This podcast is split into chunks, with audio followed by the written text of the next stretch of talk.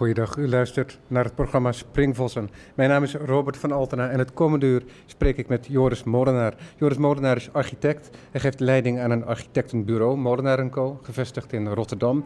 Waar zij onder andere een specialisatie hebben opgebouwd, al sinds lang denk ik, met het renoveren van uh, klassiek moderne architectuur. En je hebt een boek geschreven over een onderwerp waar je al sinds lang mee bezig bent, al ruim 30 jaar. En uh, dat is het bureau Brinkman en Van der Vlucht. Die waren ooit eveneens gevestigd in Rotterdam. In de periode 1925-1936 werkten deze twee naamgevers samen. En ze hebben grote architectuur op hun naam staan. Waaronder de Vanellenfabriek, de, de villa's tegenover Boymans van Beuningen. Maar ook de telefooncel die tot in de jaren 80 in Nederland uh, stond. En nog zo een aantal andere dingen. Welkom, Joris Morenaar. Dank je. Ja. Hoe ben je zo in aanraking gekomen met de architectuur van Brinkman en Van der Vlucht? Nou, eigenlijk het eerst vanuit de trein. Als, als je uh, Rotterdam uh, als student uh, verlaat naar Delft, dan kom je automatisch langs de Vanellenfabriek en dan kijk je automatisch even naar rechts. Want dat is zo'n iconisch beeld wat, ja, wat je gewoon met de paplepel ingegeven krijgt. Ja. En ook uh, in die tijd, het was, nog, uh, was de fabriek in, uh, in gebruik in de jaren, jaren 70 en begin jaren 80. En toen kon je maar heel moeilijk op excursie daar binnenkomen. Je werd eigenlijk niet toegelaten. Dus het was een soort, ja, mysterieus gebied. Als het kasteel van Kafka. Je kon het alleen maar van een afstand zien en het was niet te benaderen. Ja, heel verlokkelijk en, en niet te aan, aan Maar er waren andere, wist je toen al wie de architecten waren? Ja, dat uh, wordt je eigenlijk ongeveer in het eerste college wel uh, bijgebracht. Hè. Je krijgt de beurs van Berlage, de vanillefabriek, misschien de bank aan de Vijzelstraat en het stadion Feyenoord. Maar ja, je krijgt wat dat betreft hele iconische gebouwen direct mee in, in je colleges. Maar mijn echte fascinatie uh, die ontstond uh, op een uh, excursie toen we er echt binnen mochten. En ook, Wanneer was dit? Wanneer mocht je eindelijk nou, naar binnen? Dat was 1980 denk ik toen uh, rook je ook die uh, gekke melange van uh, tabak en koffie en thee. Dus dat is een hele merkwaardige Ja, want het is een mix. fabriekscomplex en het had verschillende functies die bij elkaar geplaatst waren. Ja. koffie, thee en tabak. Drie hallen aaneengesloten in Ja. een volume. Nou, eigenlijk geen hallen, maar een soort glazen eh, flatgebouwen zou je kunnen zeggen. Drie achter elkaar inderdaad. En dan af, aflopend eh, met eh, typische trappenhuizen, hele transparante trappenhuizen daartussen. En een merkwaardig gebogen kantoorgebouw voor bij, de, bij, de, bij het fabrieksterrein. Eh, ik wist toen nog helemaal niks van de eh, achtergronden van, eh, van die fabriek. En ik wist ook niks wat die fabriek eigenlijk met de stad Rotterdam te maken had. Dat ben ik natuurlijk allemaal veel later pas achtergekomen. Maar op die excursie kwamen, eh, kwamen wel al een aantal ja, zaken naar boven, zoals de villa's voor de directie van Van Nelle. En ook het eh, typische gebouw eh, wat hier in Amsterdam staat, eh, wat bekend is als Cinetol, maar wat eigenlijk dus de tempel van de Theosofen is aan de Tolstraat. En ja, toen ging er toch iets leven van, hé, hey, hier zit veel meer achter. Dit is niet, hier zitten idealen achter, hier zitten ideeën achter. Ehm, en toen ben ik met een medestudent, Jeroen Keurst, in de gelegenheid gekomen om eens in het archief te duiken van deze architecten. Waarvan eigenlijk altijd gezegd werd dat er niet zoveel meer van bekend was. Eh, Bakema, eh, een opvolger eigenlijk van Brinkman van der Vlucht, die heeft eh, een boekje uitgebracht in de jaren 60, eind jaren 60 over Leen van der Vlucht. Het eerste eigenlijk boekje daarover. En eh, daar werd al eh, beweerd, nou van het archief is niet veel meer over. Eh, maar dat bleek een mystificatie. En nou, wij zijn als jonge jongens begonnen met in de kelders bij Van der Broek en Bakema alles uit te gaan zoeken. En dan raak je echt in een soort ja, detective-achtige roes natuurlijk. Ja. Dat was het begin. In de inleiding van dit boek schrijf je ook dat je aangemoedigd bent om een groter boek te wijden aan dit bureau. Dat het aanvankelijke idee om dat rond de personen te formeren, de personen van Jan Brinkman en Leen van de Vlucht, dat dat niet geen kans van slagen had, omdat er toch te weinig informatie over die figuren was overgeleverd? Ja, ik heb uh, nog wel uh, de weduwe van uh, Leen van de Vlucht gesproken en de dochters van Brinkman en de dochter van Van de Vlucht. Um, dus ik heb wel daar ook moeite voor gedaan om natuurlijk dat na te speuren. Maar beide heren zijn al vrij lang dood. En uh, ze hebben eigenlijk uh, die korte tijd dat ze samen dat bureau hebben gehad, ontzettend hard gewerkt. Ik denk ook wel dat Van de Vlucht heeft zich wel doodgewerkt. En in die tijd eigenlijk nauwelijks uh, zelf gepubliceerd. Ehm, wel deelgenomen aan avant-gardistische architecten en kunstenaarsgroepen. Maar eigenlijk weinig sporen nagelaten. En in de families hebben daar ook eigenlijk destijds het belang niet van ingezien om er veel van te bewaren. Dus heel anders dan een architect als uh, Oud, bijvoorbeeld, een bekende uh, modernistische architect, ook uit Rotterdam. In de, die in de kringen verkeerde van Mondriaan, van Theo van Doesburg met de stijl. Precies, hij was medeoprichter van, uh, van de stijl. En onlangs kwam ik erachter dat hij ook een soort vriendschap had met Elizitsky, de Rus, ja. Russische avant-gardist. Inderdaad. En dus dat was overigens ook een groot voorbeeld voor de wat jongere Leen van der Vlucht. En ze, ze woonde ook al bij in, in Kralingen, de, vrij dicht bij elkaar. Ze gingen met elkaar om. Dus dat, dat was wel een, een, een, zeg maar een, een kring, een omgeving. Maar uh, anders dan Oud, die echt uh, veel uh, internationale contacten onderhield, was dat bij Leen van de Vlucht niet het geval. Dus dan, ja, dan verdwijnt zo iemand een beetje als persoon in de mist van de geschiedenis. Ja, dat verbaast me toch enigszins, want Leen van de Vlucht hij is al een tijd dood, maar hij is ook niet zo oud geworden. Hij is geboren in, staat hier, 1894 en hij stierf al in 1936. Dat zal later in dit uur ook nog wel ter sprake komen. Dus dan ouder dan 43 kan je dan niet zijn. Nee, 42 ja. Eh, is hij geworden. Ja. Dan is het verbijsterend als je bedenkt wat de man gebouwd heeft. Maar hij opereert niet in een soort Rotterdams vacuüm. Want er wordt ook gezegd dat zijn um, zijn oeuvre en het oeuvre dat hij dan deelt met uh, Jan Brinkman, dat dat in ieder geval deel uitmaakt van zoiets als de internationale stijl of de international style. Ja. Nou zijn dat soort, verzamel, dat soort verzamelnamen ook altijd heel gevaarlijk, maar wij noemen dat hier het nieuwe bouwen. Hoe zou je dat definiëren? Nou, het is uh, de, de architectuur die eigenlijk uh, eh, de uh, mogelijkheden van de nieuwe technieken en de inzichten van uh, de emancipatie van de mens aan het begin van de 20e eeuw heel sterk tot uitdrukking bracht. Dus de slogan was eigenlijk licht, lucht en ruimte. dat waren de, de verworvenheden die de nieuwe architectuur de mens kon bieden.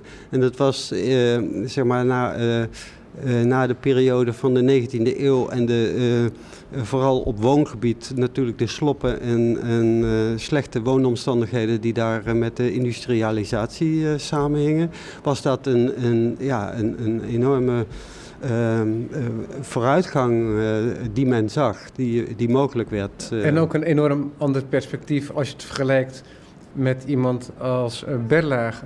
Want als je je in zijn gebouwen begeeft, in de monumentale gebouwen, daar, daar past het allemaal nog wel prima. Een soort middeleeuwse monumentaliteit en uh, gewicht.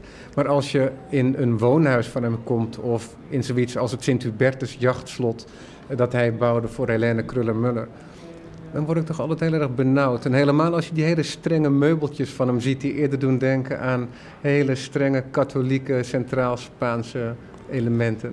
Ja, maar dat is hoe wij terugkijken in de tijd. Uh, voor uh, een jonge studerende, nog studerende architect als Leen van der Vlucht waren mensen als Berlage en De Basel en zo waren nog wel degelijk voorbeelden. En Kromhout, hij was leerling van Kromhout. Kromhout, de man van Amerikaan. En uh, in Rotterdam dan een van de deelnemers aan uh, de prijsvraag voor het nieuwe stadhuis van Rotterdam. En dat was uh, toen de moderne architectuur. En ook Michiel Brinkman, die eigenlijk het bureau gestart heeft, De van vader Brinkman, van Jan de Brinkman. vader van Jan Brinkman, die past helemaal in die generatie. Ehm, wij kijken dan terug en zien eh, daar ehm, inderdaad wat je zegt, een soort bijna middeleeuwse eh, architectuur in. Toch klopt dat niet. Dat was in de tijd na de Art Nouveau, kun je zeggen, eh, was dat een tijd van zakelijkheid, van eh, opnieuw ontdekken van de uitdrukkingsmogelijkheden van pure constructie, van het pure metselwerk, zoals in de beurs. Heel terughoudend eh, gebruik maken van, eh, van ornament. En Eh, toch ook wel het tonen van metalen constructie. Ook Precies. Ja. precies. En het tonen van metalen constructie, het gebruiken, het benutten van de constructies in de pure vorm zoals ze zijn. Hè. De spanten in de beurs van Berlage, in die grote glaskap, gewoon laten zien. Terwijl daar in de Art Nouveau allemaal glas onder gehangen werd om toch maar niet de constructie zelf, eh, of de constructie helemaal te vervormen tot sierlijke lijnen. Nee, dat was een, een, een, eh, zeg maar een opleven van een eh, hele tektonische bouwkunst. Ehm, dat was een voorbeeld voor eh, ehm, de jonge architecten van het, die later de architecten van de nieuwe bouwen zijn geworden. Maar wat hen nou vooral nieuw, nieuwe mogelijkheden bood, dat was eigenlijk het gewapend beton. Het gewapend beton en, en ook het glas in zijn meest eh, pure eh, vorm. Ehm, architect Auti houdt ook eh, begin jaren 20 een lezing in Rotterdam voor de kunstenaars en architectengroep Opbouw. En daarin houdt hij echt een heel eh, lyrisch betoog over de uitdrukkingsmogelijkheden en de vrijheid die het gewapend beton de architecten bood. Dat dus niet meer zoals met eh, gestapelde baksteen alles ja, naar boven toe een beetje terugging om toch maar niet om te vallen. Nee, met gewapend beton kon je juist naar buiten uitbouwen en alles over laten kragen en eigenlijk gewichtloosheid eh, uitdrukken. Ehm, en dat bood een hele nieuwe eh, richting in de architectuur. Terug naar gotische idealen. Ja, maar het is dus een nieuwe gotiek, hè? want ook de gotiek ja, die, die eh, ehm, toont het krachtenspel buiten en aan de binnenkant de verwondering van hoe blijft het staan. Eh, maar dit eh, toont eigenlijk eh, aan de buitenkant de verwondering van hoe blijft het staan. Hè? Zoals uh, ook die wolkenbugel eh, had ontworpen. Een soort gebouw wat als een soort heel merkwaardig... eh, eh, ja, nu vinden we het vrij normaal, maar toen was het natuurlijk heel Ja, het, merkwaardig. ik, ik moest toen ik de Wolkenbeugel zag op de tentoonstelling in het Van Abbe die nu te zien is, Mhm. van Lisitsky. De Wolkenstrijker. Dat zijn twee grote torens en die zijn ehm, met elkaar verbonden in de lucht door nog een hoek die er opgebouwd is, een heel gebouw dat er, er overheen ligt. Ik moest ook denken aan de televisietoren van Rem Koolhaas in China. Ja, maar we hoeven niet eens zo ver weg. Want eh, als je het Unilever-kantoor eh, in Rotterdam eh, Ja. boven de Blueband-fabriek ziet, dan is dat ook een soort wolkenbugel. En die is heel leuk. Die is natuurlijk gebouwd daarnaast en er zo overheen geschoven. Dus daar, eigenlijk maken wij nu heel ruimhartig gebruik van de fascinaties die in het begin van de 20e eeuw opkwamen. Ik moet eerlijk denken dat als ik heel veel van die villa's zie, nu in gerenoveerde staat, dat gaf ook een heel erg jaren tachtig beeld. Maar voor mij dan in esthetiek, maar dat eh, eventjes terzijde. Leen van de Vlucht en Jan Brinkman zijn bij elkaar geworpen, min of meer. De, eh, Michiel Brinkman sterft. Heeft eh, een belangrijke opdrachtgever in de persoon van Kees van der Leeuw. Kees van der Leeuw is een industrieel, komt uit een familie van industriëlen. Hij is een van de medefirmanten van de Vanellenfabrieken. En heeft grote plannen. En hij is een van de mensen die vindt dat Leen van de Vlucht en Jan Brinkman moeten gaan samenwerken. Dat doet hij ook voor een deel uit eigen belang, denk ik. Ja, het was eh, een man die eh, zichzelf een, eh, een visie had gesteld. Hij was natuurlijk eigenlijk een rijke luis, luiszoon, zou je kunnen zeggen. Zijn ouders, eh, zijn vader en zijn ooms, eh, waren de generatie die de voorspoed van Rotterdam had meegekregen nadat Rotterdam geopend was naar de Noordzee met, met de nieuwe waterweg. Dat is dan eh, is Rotterdam booming. En eh, als die haven eh, in begin 20e eeuw het heel sterk gaat opnemen tegen eh, ehm, Antwerpen en tegen Hamburg, dan is de stad blijft eigenlijk achter. Er, is, ligt ook nog maar een, ja, een slapende 18e eeuwse handelsstad, zou je kunnen zeggen. En veel minder groot en veel minder trots dan, dan Amsterdam. Maar de haven heeft zo'n vlucht genomen dat ja, dat uh, de, de, generaties daarna die denken van wij willen eigenlijk als stad ook um, naar voren komen en ons veel meer manifesteren. Dus die generatie waar Kees van der Leeuw bij hoort, die eigenlijk de rijkdom hadden van, van de generaties daarvoor, die dat zie je uh, bij een aantal van die, uh, van die mensen, die stellen zich het doel om Rotterdam een nieuw aanzien te gaan geven. En daar moest onder andere ook de uh, stad bevrijd worden van een, van een paar hele lastige uh, zaken. Zoals de vanillefabriek zelf. Die zat midden in, uh, in de oude stad aan de Leuvenhaven. Maar groeide enorm en werd maar verbouwd en verbouwd. Ook door Michiel Brinkman, die gewoon huisarchitect daar was. En die, die, ja, die industrie die hoorde daar helemaal niet meer thuis. Je ziet dat veel. Uh, hier uh, had je ook, uh, ik geloof, Bloker, cacao ergens in Amsterdam. En in Den Bosch, weet ik het. Ik kom uit Brabant, daar had je de, de Gruiterfabriek midden in de stad. Ja, het gebeurt, soort... eigenlijk, het gebeurt eigenlijk ook waar we ons hier bevinden natuurlijk. Want ik kijk nu naar Noord met de stad in mijn rug vanaf de vierde verdieping van de OBA.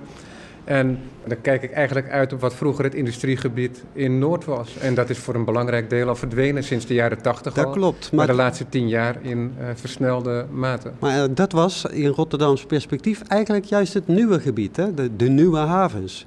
Ja. Um, waar men de fabrieken vanuit de stad naartoe uh, bracht. Want men had dus rond 1900 begon men aan de overzijde van de Maas nieuwe havens te graven.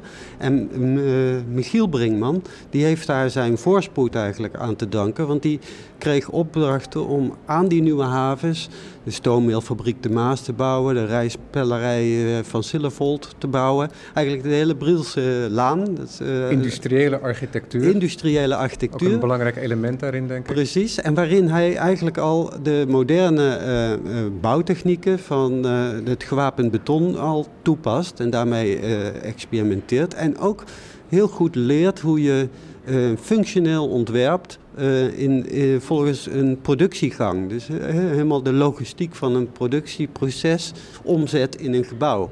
En dat is iets wat hij. dat is dus niet iets wat pas is ontdekt in Vanelle, wat wel eens. Vanelle wordt daar als een heel duidelijk voorbeeld van uh, genoemd, wat ook waar is. Maar die generatie daarvoor was eigenlijk al op die lijn bezig. Maar kun je daar toch, sorry dat ik je onderbreek, maar kun je, dan, kun je daarin toch niet een onderscheid maken? Dat het bij Jan Brinkman, zou je kunnen zeggen, een consequentie is van de opdrachten die hij krijgt. Hij maakt weliswaar gebruik van de nieuwste technieken. De ingenieurskwaliteiten, die heeft hij ook overgedragen op zijn zoon. Hij heeft zijn zoon opgedragen om een andere eh, studiepad te volgen, zodat hij inderdaad op de hoogte zou zijn ook van alle nieuwste materiaalontwikkelingen. Precies, ja. Wat later heel belangrijk werd voor het bureau ook. Maar bij hem is het een consequentie van de opdrachten. En zou je niet kunnen zeggen dat het bij Leen van de Vlucht en de zoon Jan Brinkman ook ergens niet de consequentie is van een ideaal, ofwel van hunzelf, een generatie, en anders wel van hun opdrachtgever Kees van der Leeuw? Nou, um, dat ideaal. Um, er zijn meerdere idealen eigenlijk waar ze, uh, die, in die in hun architectuur tot uitdrukking komt. Um, die had het, de missie van Kees van der Leeuw, die was eigenlijk in oorsprong uh, theosofisch van aard. Um, Hij sluit zich bij de Theosofenbeweging aan ergens in de jaren 10, in 1913 geloof ik. Ja, al heel vroeg, net als de Basel en uh, Lauwerix, de kunstenaars en architecten die ook bij die beweging zitten. En rond de, of eigenlijk voor de Eerste Wereldoorlog daar nog een heel symbolistisch, idealistisch wereldbeeld bij hebben. Piet Mondriaan. Piet Mondriaan, inderdaad. past daar in zijn vroege jaren ook helemaal naadloos in. En je ziet ook dat Kees van der Leeuw in die jaren ook met de Basel als architect werkt. Hij heeft dan al het doel om zeg maar, zijn positie die hij heeft in de wereld te gebruiken om omstandigheden voor anderen uh, beter te maken. Dat is ook echt een theosofisch uh, standpunt. Zo zag men zichzelf. De, de uitverkorenen die de, de, de rol hadden in de samenleving om het voor anderen de, de, leefomstandigheden te verbeteren. Een soort tegenhanger van het socialisme in dezelfde tijd zou je kunnen zeggen. Maar hij, rond, dus rond de Eerste Wereldoorlog wordt dat nog heel sterk in de lijn van de Basel en symbolistische architectuur gezocht. Ehm, dan eh, is er eigenlijk de, de dood van Michiel Brinkman is een kans tot een heroriëntatie, zou je kunnen zeggen. Ja. Schrijven 1925. Ja, en dat is, heel, dat is ook belangrijk. Na de Eerste Wereldoorlog krijg je een soort opening in de, in de uh, cultuur ook een opening na vier jaar isolement van, uh, van Nederland natuurlijk. Uh, dat, dat kun je ook merken in, in die theosofische geschriften. In, in, de, in de tijd van de Wereldoorlog bleef het, ja, bleef het eigenlijk een beetje hangen. En vanaf 19 en 1920 krijg je dat, dat men veel ja, hoe zeg je het, nuchterder, zakelijker, opener, moderner uh, instelling uh, krijgt. En dat zie je ook bij uh, Kees van der Leeuw, dat hij dan in die lijn mee gaat denken. En in zekere zin kun je zeggen, is het, een, is het voor hem een uitkomst dat Michiel Brinkman overlijdt. Want hij kan dan aanhaken op nieuwe stromingen in de kunst en de architectuur, waar bijvoorbeeld architect Oud uh, een hele duidelijke representant van was. Hij vraagt dan ook Oud om uh, architect te willen worden voor uh, de Vanellenfabriek. Maar die had een hele goede positie in Rotterdam. die was architect van de net opgerichte gemeentelijke woningdienst. en die wilde die, die, die onzekerheid van, van Kees van der Leeuw niet aannemen. En dan is er eigenlijk in de kring van jonge uh, Rotterdamse uh, architecten het nieuwe talent van Leen van der Vlucht, wat uh, hem opvalt en wordt aanbevolen ook. Die is 31 dan, dat ja. is heel jong voor een architect. Hij werkt dan al een jaar of vijf, zes zelfstandig. Ja, hij heeft de kans gehad om ook met, uh, hij komt eigenlijk uh, uit een uh, aannemersmilieu. die, die, die, aannemers die bouwden voor zichzelf en die tekenden zelf ook nog wel straatwanden. Zo, zo ging dat. Maar hij wilde niet in die lijn van zijn vader werken. was ambitieus. Gaat bij verschillende architecten werken, maar toch op zeker moment al de kans grijpen om voor zichzelf te beginnen. En krijgt dan samen met een generatiegenoot, de ingenieur Wiebega, de kans om een school in Groningen te bouwen. Die dan wordt herkend als uh, eigenlijk het eerste voorbeeld van een nieuwe architectuur, echt in zijn meest uh, zuivere vorm. En dat was een gebouw helemaal in gewapend beton met uitkragende verdiepingen en volledige glasgevels. Dat was een manifest eigenlijk, zou je kunnen zeggen. En daar valt hij mee op. Uh, en je kunt ook zien in de, in de organisatie van, van de fabriek van Nelle en de opzet van die school, dat dat ja, wel zo verwant is aan elkaar, dat het wel logisch was dat die Van der Leeuw daar wel iets in zag. Ja, Van der Leeuw scout het jonge talent Leen van der Vlucht. En weet ook dat, daar, dat een architect alleen niet zoveel kan uitrichten. Er is een organisatie omheen nodig. Jan Brinkman is daar nog heel jong, die is uit 1902, meen ik. Ja. Is nog in opleiding. Ja, hij, studeerde in Delft en uh, uh, hij was inderdaad door zijn vader juist uh, in, de ingenieursopleiding gestuurd. en het is eigenlijk voor hem tragisch dat, dat hij in, in die ingenieursrichting was gestuurd, maar nog te jong was om zich ontwerpend bewezen te hebben dat hij eigenlijk steeds achter de feiten aanloopt.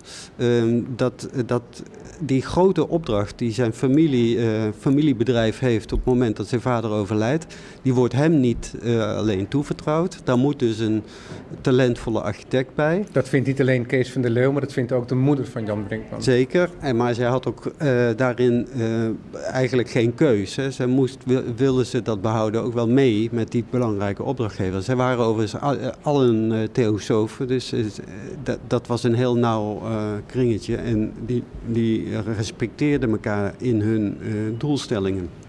Volgden elkaar daarin. Ja. Voordat we hierop verder gaan, we hadden het net over idealen. Ik, ik noemde een ideaal. Hij zegt van ja, er zijn, je zegt er zijn verschillende idealen te onderscheiden. Daarbij is die theosofische achtergrond um, natuurlijk niet, uh, die moeten we daarbij onderkennen. Wat, wat betekent dat voor die mensen? Wat is dat, theosofie? Oké, dat bijvoorbeeld zonder dan die hele leer dan uh, hier uh, uiteen te gaan doen, dat vraag ik je natuurlijk niet. Maar wat betekent dat in praktische zin ook, maar ook in ideale zin voor de levens van die mensen? Nou, het, het, het betekent in ieder geval voor Kees van der Leeuw dat hij zichzelf een doel stelt dat hij zijn vermogens en zijn positie um, um, benut om werken te realiseren, projecten te realiseren, die de leefomstandigheden van uh, anderen uh, kunnen verbeteren en daar ook een voorbeeld in te stellen. Dus wat de mogelijkheden zijn van. En dit alles in een zeker in een, in een ontwikkel, in een, een beeld. Hè, dat de mens zich ontwikkelt en e-, evolueert naar een hoger uh, niveau. En deze elite uh, uh, mensen hadden daarin echt een soort ja, kastenidee, zou je kunnen zeggen. zij hadden allemaal een zekere ontwikkeling, een zeker niveau bereikt, het zesde niveau, waarin ze, anderen nog niet achter. Dus er zit ja. een heel elitaire houding in. Ja, in de trits uh, licht, lucht en ruimte, die je net al verkondigde. Um, heeft dat licht is, een dubbel idee? Is de eerste factor inderdaad, een, heeft ook een hele uh, bijzondere esoterische weerklank. Ja, zeker. Maar ook uh, lucht en ruimte, dat hygiënische, dat er ook uh, bij komt kijken, dat, dat merk je ook uh, terug in de, in de uh, denkbeelden die je bijvoorbeeld in de publicaties rondom de sterkampen um, terug kunt vinden. En de sterkampen, dat waren bijeenkomsten hier in Nederland op de heide in Ommen. Waar baron van Palland een heel landgoed ter beschikking had gesteld aan een beweging van de theosofie um, rondom de figuur van Krishnamurti. Um, en uh, je ziet dat uh, die, die um, beweging, dat die ook echt zoekt naar nieuwe levens, uitingen van levensmogelijkheden, levensvormen. Daarom wilden ze ook juist op de heide gaan zitten om los van alle traditionele en, en belemmerende... Industriële vrij, misschien ook. Ja, vrij te kunnen denken. En het bureau Brinkman van de Vlucht krijgt dan de... de de opdracht om dat leven op de heide te organiseren. Dus daar wordt een hele infrastructuur aangelegd. Er worden uh, rails gelegd voor karretjes die het eten distribueren. Het wordt, eigenlijk ook weer industrieel vormgegeven. Volkomen industrieel Dat is een prachtige paradox natuurlijk. Ja, ja. en uh, daar wordt ook een, uh, inderdaad een, een, ketelhuis op de hei gebouwd om de energievoorziening te regelen. Er is een American Express, een telegraafkantoor, alles. Het is een stad een contrastad, zou je kunnen zeggen, ten opzichte van het Rotterdam van die jaren. Dus, en uh, in zekere zin hoort het ook bij hoe, hoe dus de nieuwe uh, planologie de mens zou bevrijden van alle last van, uh, ja, van het bedompte leven. Ja, je hebt dan zo'n figuur als Krishnamurti, een Indiër, die eigenlijk door een aantal theosofen is aangewezen als mogelijke nieuwe wereldleraar. Precies, en om het dan heel precies te zeggen, als derde reïncarnatie van Boeddha. Ja, inderdaad. En, en daar geloven dan die hele rationele industriëlen als Kees van der Leeuw in. Ja, maar het zijn natuurlijk um, rationele industriële met een visie. Zoals, uh, en en het, het loopt bij elkaar. Dat, dat hele idealistische, maar ook het hele rationele, dat ont, ontmoet elkaar. Daarom was zo'n Kees van der Leeuw ook heel geïnteresseerd in wat er in Amerika gebeurde in dezelfde tijd. Hè. Wat Ford uh, uh, realiseerde, wat het Taylorisme met zich meebracht ook die inzichten zag men wel degelijk als middelen ook om uh, voor een grote bevolking een emancipatie teweeg te brengen. Ja, de idealist bleef ook pragmatisch. Ja, En nou, maar die ziet de, de combinatie. Het is geen tegenstelling. Het, is het, het, is het meedenken met de mogelijkheden. Die geboden worden met de moderne tijd. En het daarvoor openstaan. En, en dat, uh, dat verder uh, uh, ontwikkelen. En zo is die fabriek dus ook aan de ene kant heel rationeel productiesysteem en tegelijkertijd een bevrijdende omgeving, bedoeld in ieder geval. Of dat die het was, mogen we natuurlijk uh, de arbeiders vragen. Maar uh, bedoeld als een bevrijdende omgeving voor mensen die daar het grootste deel van hun leven in moesten, rond, uh, moesten doorbrengen. Ja, nou deze Krishnamurti die trekt de stekker eruit in 1929. Hij besluit dat zoiets als een orde um, eigenlijk helemaal geen pas heeft voor een, uh, voor een werkelijk wijs mens die zijn leven aan het goede voor de mensheid wil wijden. Dus die gaat zijn eigen weg en hij schrijft boeken de rest van zijn leven en hij leeft nog een tijdje voort. Er blijven wat ontgoochelde mensen achter die deze orde van de ster vormden. Een van die mensen is Kees van de Vlucht en die moet Kees van der Leeuw. Kees van der Leeuw, pardon. En die moet, uh, die moet zijn, uh, zijn leven weer uh, opnieuw op orde brengen en zijn idealen op een andere manier gaan geleiden. Ondertussen is die vanillefabriek al voor een deel gebouwd. In 1925, 26 wordt dat gepland. Vanaf 26, 27 wordt de mening gebouwd. Ja. En dat zal toch wel aardig ingeslagen hebben. Ja, en dat was niet het enige wat insloeg, want het viel parallel ook nog eens een keer met de economische crisis, eh, met de, de kracht van 1929. Hoewel die, en dat merken we ook met de crisis waar we nu in zijn, die werken natuurlijk pas echt door een paar jaar later. En dat, uh, dat merk je ook uh, bij de fabriek. Maar inderdaad, Kees van der Leeuw, ehm, die is persoonlijk behoorlijk aangeslagen door uh, de nieuwe weg die Krishnamurti inslaat. En de rol die hij van zich afwerpt. Hij wilde niet de wereldleraar zijn en hij wierp iedereen eigenlijk terug op zichzelf. Dus wilde geen guru zijn, wilde geen ja. volgelingen hebben. Ja, hij zei geloof ik ook, je kunt de waarheid niet ontdekken als je achter iemand anders aanloopt. Ja, waarheid zonder weg. is zijn nieuwe uh, slogan eigenlijk, die hij ook tot in de jaren tachtig nog heeft uh, uitgedragen. Ja, en je komt, je komt het eigenlijk overal tegen, denk ik, in heel veel Oosterse filosofieën. Ja, ja. En, uh, maar ik denk dat, dat Van der Leeuw er misschien ook wel aan toe was, dat hij dat daar... kijk, je ziet dat hij, dat hij zijn idealen en zijn, eh, zijn uh, werken niet stopt. Hij gaat vervolgens in Rotterdam bijvoorbeeld uh, voort met een project voor de Volksuniversiteit waar hij al mee bezig was. En tegenover Boymans projecteren ze dan een, een lezingengebouw en een lezingenzaalcomplex. Ontworpen door uh, Brinkman en Van der Vlucht. Uh, wat een, een, een, modern zakelijke variant weer is van de Theosofische Tempel hier uit Amsterdam. Die, die wordt weliswaar niet gebouwd, maar er is zelfs in 31, nee, 30 een, een, tweede project voor een nog groter zalencomplex. Een concertgebouw met, met ook de Volksuniversiteit erin.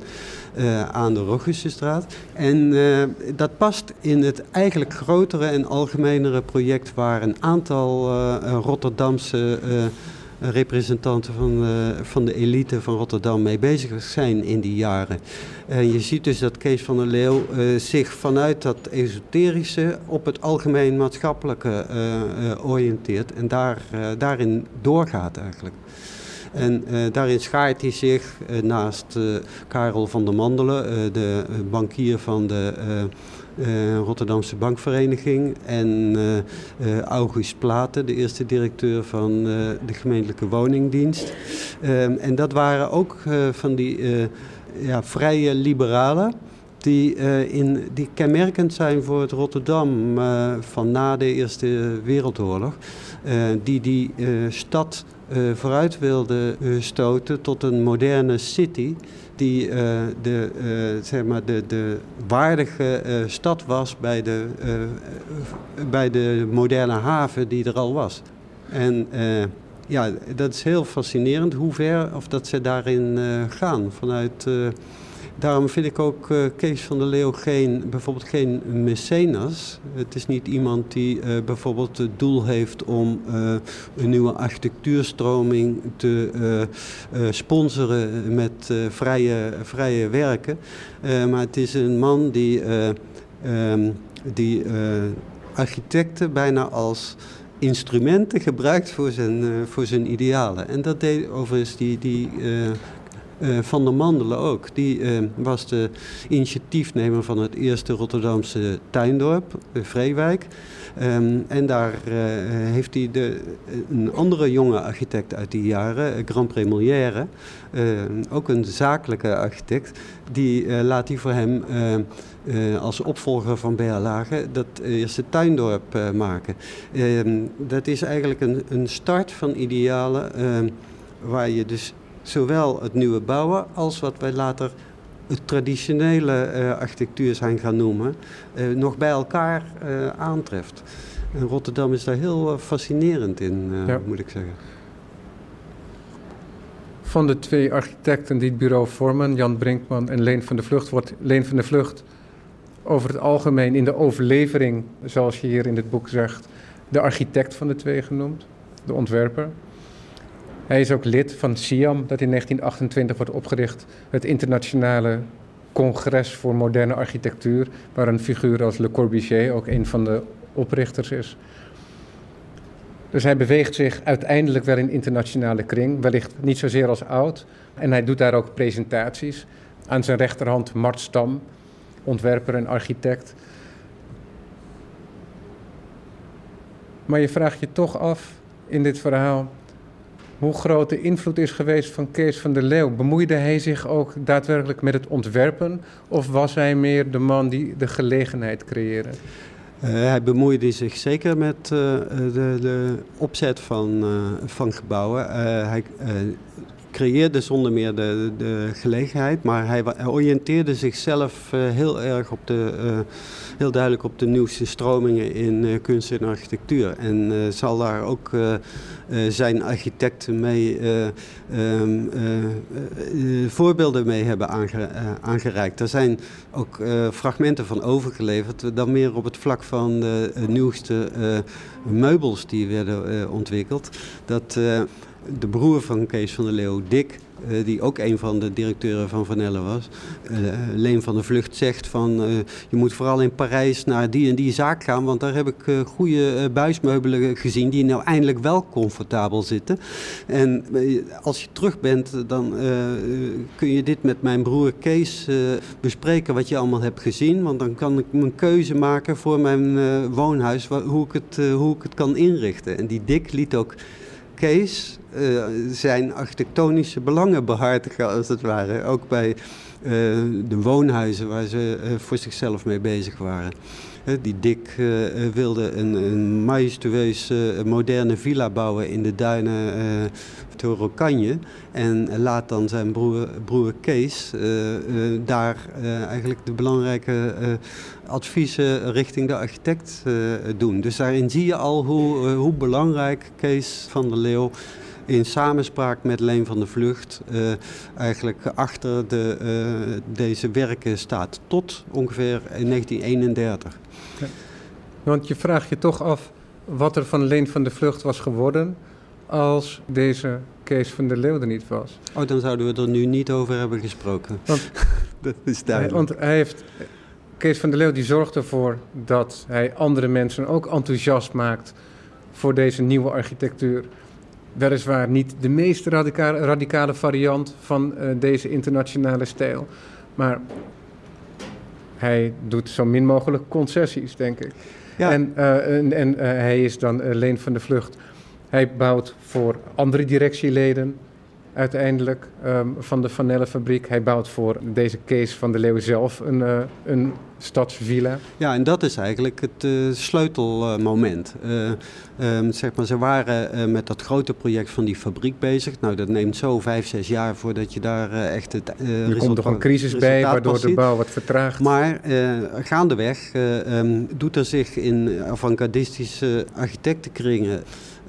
de kans voor van een, een tentoonstelling in, in Duitsland om de nieuwe, nieuwe vorm van wonen te laten zien. Dat, dat is de Weisenhof-Siedlung in Stuttgart. maar daar wordt architect Oud voor gevraagd vanuit Nederland. En daar wordt ook een medewerker van Brinkman van der Vlucht, de, Mart Stam die je al noemde, gevraagd. Die in avant-garde kringen met Lisitsky en zo heel bekend is. En dus ook daar uh, wordt voorgedragen. En die zich ook heel naastig manifesteert in deze avant-gardistische kringen. Zeker, en daar had hij ook echt zijn sporen al uh, redelijk uh, verdiend. Hij is ook een man met, met bijzondere ideeën. een heel gedreven socialist ook. En dat moet in dat bureau hele gekke uh, spanningen uh, hebben gegeven. Want uh, ja, Leen van der Vlucht was ook een ambitieus man je ziet dat dan uh, Kees van der Leeuw aan zijn uh, architect een paar mogelijke, een paar kansen biedt om ook uh, zich te manifesteren. Want hij mag dan op de hei van Omme een voorbeeldhuis maken voor het wonen in, in de vrije lucht. Uh, opgedragen aan Krishnamurti, die overigens dat huis, uh, die ervoor bedankt om dat huis te, in, ontvangst, in ontvangst te nemen. Het was een zomerhuisje. En, maar hij draagt dan ook voor zichzelf op een woonhuis te bouwen in Rotterdam, een stadsvilla, eind, eind 27 begin eraan, vlak na die Weissenhof-siedlung. Nou, dat kan geen toeval zijn. En dan uh, wordt daar een voorbeeldvilla gebouwd hoe de modernste uh, vindingen en uh, technieken de, de, de woonomstandigheden van de mens zou veranderen en, en verruimen. En dat is het woonhuis van Kees van der Leeuw. Nou, dat slaat in als een bom in Rotterdam. daar heb maar ik denk nog altijd, want de, de, de, glazen gevel die volledig in de boswering kan verdwijnen. Een wintertuin met een reusachtige glazen wand die omhoog geschoven kan worden. Ja. Er worden eigenlijk al... Radiocommunicatiemiddelen. Ja, in dat huis worden een aantal dingen gecombineerd. Zeg maar de esthetische principes van Le Corbusier de, de vijf punten van Le Corbusier. Maar je ziet er ook de... Uh, Wat zijn die vijf punten? Dat is uh, de pilotis, dus de, de uh, kolommen, fenêtre en longueur, de, het bandvenster. Het is een horizontaal vrij venster. Uh, dat is de plan libre, de vrije plattegrond, vrij indeelbare plattegrond. Dat is de daktuin, waar ik even het Franse woord van kwijt ben. en het vijfde punt ben ik ook kwijt. Maar uh, in ieder geval, uh, die punten die realiseert hij in die villa. Plus, uh, eigenlijk is de villa ook qua compositie heel verwant weer aan het Bauhaus van Walter Gropius.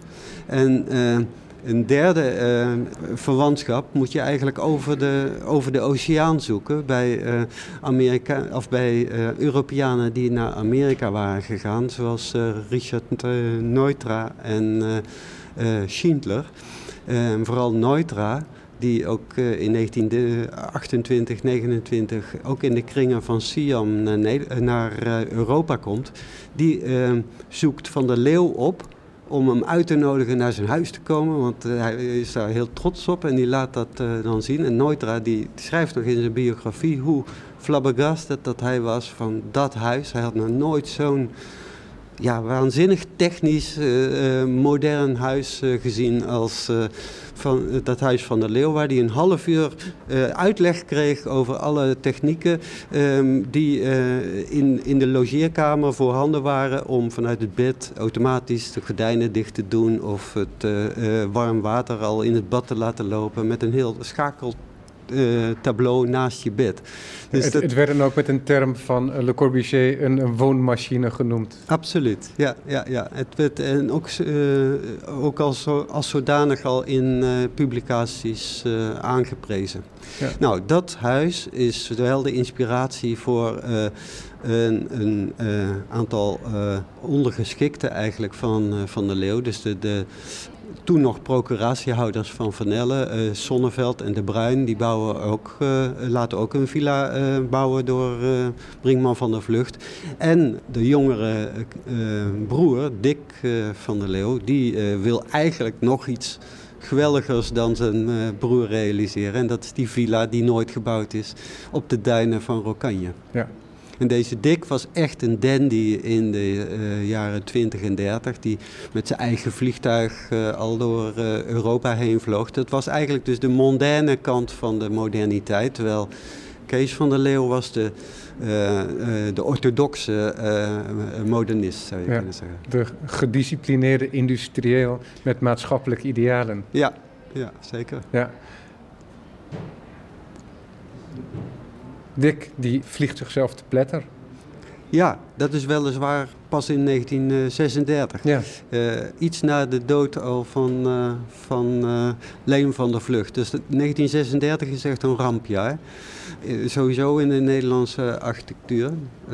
ook Duiker komt dan te overlijden. De, de man van Zonnestraal in Hilversum. Ja. En, ook prachtig gerenoveerd. Ja, zeker. Dus uh, nee, 36 is een zwaar. Uh, ja, want, want wat gebeurt er? Uh, Brinkman van de Vlucht krijgt een hele mooie opdracht van de Holland-Amerika-lijn om de twee Ocean Liners volledig van binnen uh, te decoreren en te ontwerpen. Ja, het is eigenlijk uh, heel bijzonder als je kijkt wat voor een opdrachten dat het bureau Prima van de Vlucht he heeft gekregen. In een hele moeilijke tijd. En uh, wat, voor een, wat voor een idealen bijvoorbeeld mensen als Le Corbusier had en die die opdrachten niet kreeg. Dus hij was ook echt gewoon jaloers toen hij in Nederland kwam dat Prima van de Vlucht de fabriek van de toekomst hadden kunnen bouwen. Terwijl Le Corbusier zich uh, inspireerde op de fabrieken die je in Amerika of in, uh, uh, of in Duitsland ja. had. Ook de, de lijnboten waren voor Le Corbusier echt een inspiratiebron. Vliegtuigen waren voor Le Corbusier een inspiratiebron. En het zijn precies die opdrachten die Brinkman en Von der Vlucht mogen doen. De fabriek, de, de Nieuw Amsterdam en ehm, het vliegveld uh, uh, Ipenburg. Ja. Uh, maar de Nieuw Amsterdam, dat wordt eigenlijk de zwanenzang. Want ehm, zij uh, worden inderdaad uitgenodigd om de hoofdarchitect te zijn voor de inrichting van de Nieuw Amsterdam. Kijk, hij heette toen nog RDM 200, hè, werd gebouwd bij de Rotterdamse Droogdookmaatschappij. Er volgt een oriënterende werkreis Precies, want dat was eigenlijk wat men, uh, uh, wat men gewend was te doen. Uh, je gaat met je opdrachtgever eerst door Europa of door de wereld een aantal voorbeelden bekijken. Nou, en in die jaren waren er eigenlijk op het gebied van het, het transatlantisch comfort... waren er twee elkaar concurrerende liners. de Normandie en de Bremen... En uh, daar boekt de Holland-Amerika-lijn dus uh, overtochten op. Waarbij uh, de ene groep eerst op de Normandie en op de Bremen teruggaat en, en vice versa. Dus Van der Vlucht gaat met zijn vrouw en directeur van de Holland-Amerika-lijn op de Normandie heen en op de Bremen terug. En Brinkman gaat net andersom. Ja. Brinkman die valt in, terwijl hij in New York, op, of in New York maak ik ervan de hele tijd. Omdat het, maar hij, hij valt op straat ergens in Amerika. Maar het was in New York inderdaad. en uh, hij kan niet meer lopen. Dan blijkt uiteindelijk dat de man multiple sclerose heeft. Dat maakt hem het werk in de jaren daarna, in de jaren na 36, vrijwel onmogelijk. En moet het werk, zelfs als uiteindelijk Leen van de Vlucht uit de weg is geruimd, als het ware, waardoor hij eerst architect zou kunnen zijn, maakt het hem toch onmogelijk om zich te ontwikkelen. En in 1949 sterft hij dan. Is de man ook weer niet zo oud geworden, 47 jaar oud. Leen van de Vlucht, die komt terug en twee dagen na thuiskomst is er een enorme bloedspuwing. Het was al bekend dat de man ziek was. Ja, maar nog niet, uh, zelfs zijn vrouw wist, wist niet hoe erg dat het was. En uh, uh, ik denk dat dat ook om zakelijke redenen behoorlijk stil is gehouden. Omdat ja, natuurlijk de man het boegbeeld was van het bureau. En in Rotterdam ja, heel belangrijk was voor alle opdrachten. Dus ik denk dat men heel bewust dat heeft verzwegen. Maar eh, blijkbaar uh, heeft zijn ziekte hem sneller ingehaald dan, dan hij zelf dacht. En bij een crisis vlak na die overtocht, die hem toch te zwaar is, is geweest, overlijdt hij acuut. Je hebt daardoor het beeld van een architectenduo dat in elf jaar tijd een geweldig oeuvre neerzet. Ook een heel stijlvast oeuvre, want ze krijgen niet echt de tijd om zich door te ontwikkelen. Dat is misschien, uh, draagt bij ook wel aan de iconische waarde van het bureau, zou je kunnen zeggen. Ja, en dat stijlvaste, uh, dat nuanceer ik wel in het boek. Vooral ook omdat je echt duidelijk periodes ziet. Laat ik zeggen, de werken uh, met Kees van der Leeuw zijn de meest orthodoxe uh, modernistische werken. Leen van der Vlucht is in zijn eigen werk, in zijn eigen esthetiek, denk ik, uh, vrijer dan uh, wat een opdrachtgever Kees van der Leeuw uh, voorstaat. het is ook opmerkelijk dat bijvoorbeeld bij de, de opdrachten voor de andere villa's liepen ze tegen onwillige welstandscommissies aan. Dan heeft Van der Vlucht er geen moeite mee om niet een witte villa te gaan, te gaan bouwen, maar een, een villa met gele, lichtgele baksteen. Ja. dat, dat was voor hem eigenlijk geen, uh, geen compromis. Ook zijn eigen huis, wat hij in Noordwijk op de, op de duinen bouwt, is ook een, gele baksteen. Nou heb je zelf 30 jaar studie verricht, niet aaneenlopend, uh, naar Brinkman en Van der Vlucht en hun werken. Maar je hebt er ook met je eigen handen aan mogen zitten als architect. Want die gebouwen moesten gerestaureerd. En jij bent in de jaren 80 al gevraagd om de eerste villa te doen.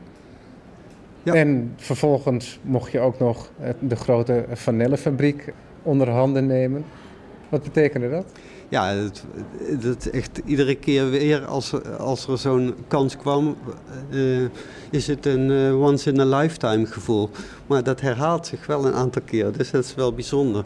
Ja, ik denk dat het heel, heel uh, belangrijk is geweest dat ik in de jaren tachtig van particulieren die bewust een van die directievilla's in Schiedam had hadden gekocht om de architectuur, dat ik van die mensen uh, de gelegenheid heb gekregen om hun uh, huis te uh, restaureren. En dat was voor mij het, ja, de opstap voor een specia specialisme wat ik zelf tot nu toe kan doen. Ik ben ook recent nog met een van de villa's tegenover Boymans bezig uh, geweest om uh, daar het gevelherstel uh, voor te doen. En die is ook weer als het ware in zijn grandeur. en daar is dan Villa Zonneveld? Nou, Villa Zonneveld is in, 19, of in 2000 gerestaureerd. En dat is echt een voorbeeldvilla geworden, omdat het een museumwoning ja. nu is. Daar heeft een, een Rotterdamse stichting Bevordering Volkskracht ook uit de jaren 30 Zo klinkt het ook, hè? voortgekomen. Zich, uh, en juist uit die uh, elite van uh, Rotterdamse industriëlen voortgekomen, zich over ontfermd.